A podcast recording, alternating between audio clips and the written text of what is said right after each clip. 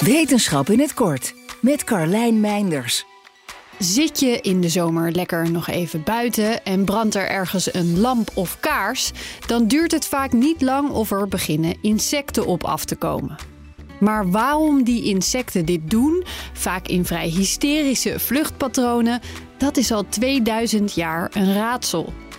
Nu denken onderzoekers dat raadsel te hebben opgelost, dankzij het maken van een aantal high-tech 3D-opnames. In een preprint verwerpen ze allereerst een aantal bestaande theorieën. Gebruiken de insecten het licht om te navigeren? Nee, dat konden ze zien aan hun positie ten opzichte van de lichtbron. Die veranderde steeds. Komen ze dan op de warmte af? Ook niet, want de lampen in de experimenten gaven amper warmte af. Worden ze dan misschien verblind?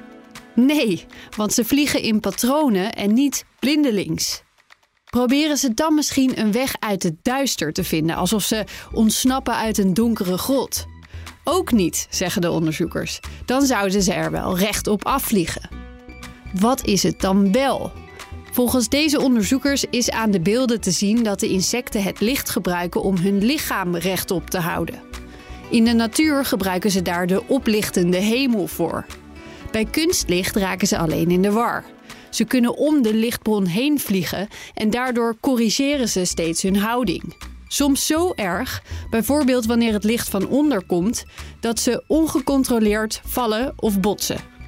De theorie is niet nieuw, maar nooit eerder zo overtuigend beargumenteerd, reageert onderzoeker bij het Nederlands Instituut voor Ecologie, Camille Spoelstra, in de Volkskrant.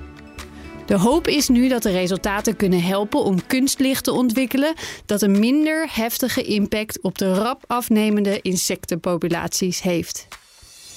Wil je elke dag een wetenschapsnieuwtje? Abonneer je dan op Wetenschap vandaag. Spotify is partner van Wetenschap vandaag. Luister Wetenschap vandaag terug in al je favoriete podcast-apps. Ook Liesbeth Staats vind je in de BNR-app. Ja, heel handig. Luister live naar Kees en mij tijdens de Daily Move. Dan blijf je ook gelijk op de hoogte van breaking news en het laatste zakelijke nieuws. En daar vind je ook alle BNR-podcasts, waaronder de Perestrooikast. Download nu de gratis BNR-app en blijf scherp.